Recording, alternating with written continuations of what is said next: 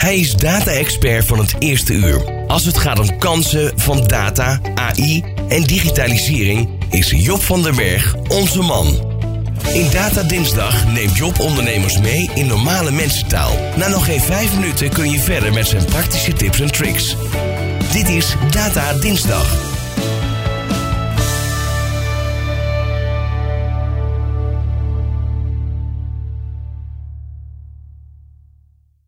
Uh, managers van sales teams zullen deze frustratie wellicht herkennen. Een CRM-systeem met slechte data, incompleet verslagen van klantafspraken, zeer hoge onrealistische omzetverwachtingen bij koude leads, sales opportunities die al vier maanden verlopen zijn en offertes van drie jaar terug. Geen onwil van sales, maar andere dingen zoals helpen van de klanten en het genereren van omzet is belangrijker dan het bijhouden van systemen.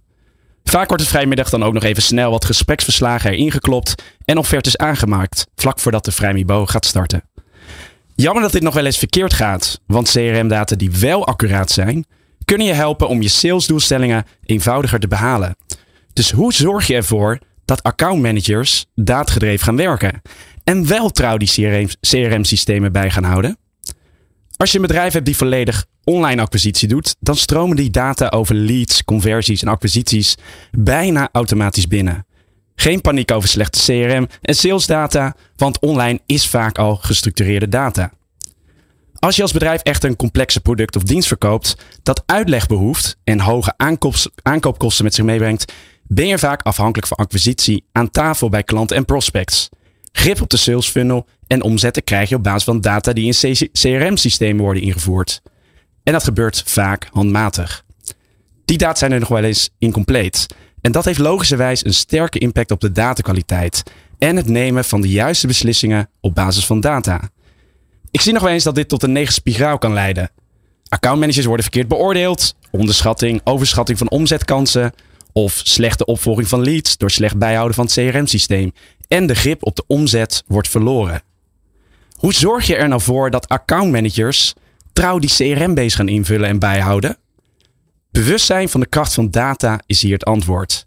En met deze tips zorg je ervoor dat accountmanagers wel hun CRM-data gaan bijhouden. Allereerst laat zien wat de meerwaarde is als de CRM-data wel goed zouden worden bijgehouden. Maak een fictief dashboard waarin output wordt getoond als alle data en informatie compleet zouden zijn. De meerwaarde wordt dan duidelijk. Een plaatje zegt meer dan woorden. Tip 2. Presenteer dit fictieve droomdashboard aan het team accountmanagers. En benoem letterlijk wat je met dit dashboard beter kan doen dan in de huidige situatie. Denk aan up-to-date informatie over targets, inzicht in belangrijke KPI's, etc. Tip 3. Voeg in het fictieve dashboard ook benchmarks toe. Hoe presteer je ten opzichte van je collega's? Wie loopt er voor op welke KPI? En het laatste, benoem what-ifs. Laat zien wat er bereikt kan worden als x procent meer klanten worden bezocht. En wat voor impact dat kan hebben op individuele targets. De crux zit dus in het laten zien van the end en niet the means. Dus laat zien wat het oplevert als, in plaats van het belang van een CRM-systeem van hoge kwaliteit. Voorkom dan ook dat het invoeren van CRM-systemen een discussiepunt op zichzelf wordt. Als je focust op wat het kan opleveren bij een juiste invoer, gaan sales teams het nut zien van het compleet invoeren van data. En zien ze de impact op hun eigen prestaties als ze dit beter gaan doen. Zo maak je meteen duidelijk dat niet alleen een tevreden klant, maar ook een goed ingevuld CRM-systeem het succes van een baan bepaalt. Dankjewel, Job.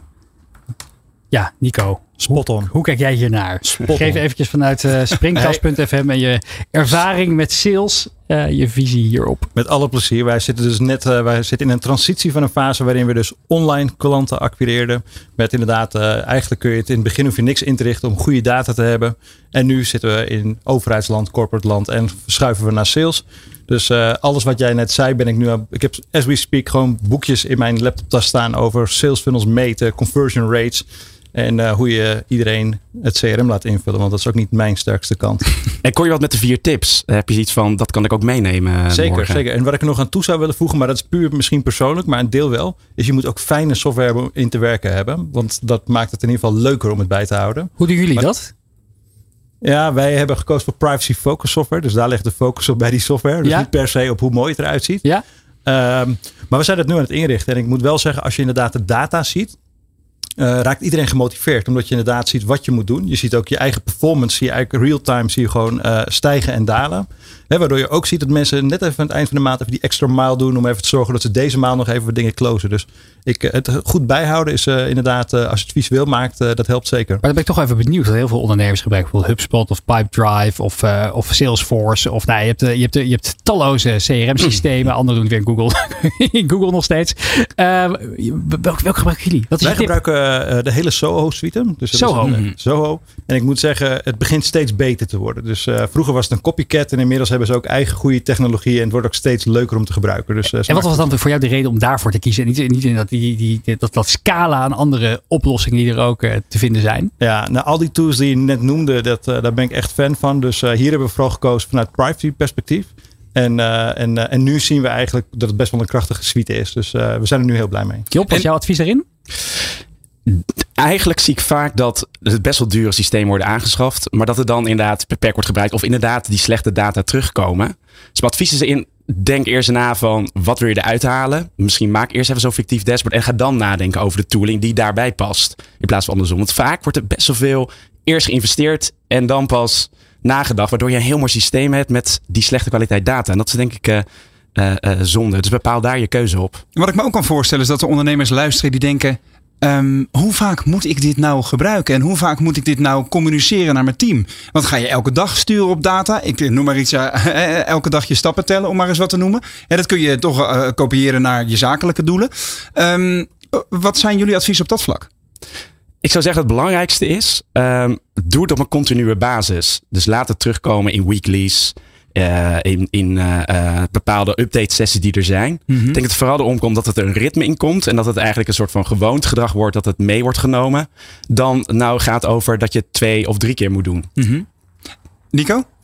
Ja, ik, ik denk dat je inderdaad elkaar uh, heel scherp moet houden. Want uh, hey, je bent natuurlijk in de waan van de dag uh, ben je continu bezig met je deals. En, het, en je bent vooral bezig met offertes maken en mensen bellen en opvolgen. Ja. Maar je moet elkaar ook scherp houden dat als er een notitie niet in staat, dat je gelijk even iemand aanspreekt. Van, ik mis daar even een verslagje.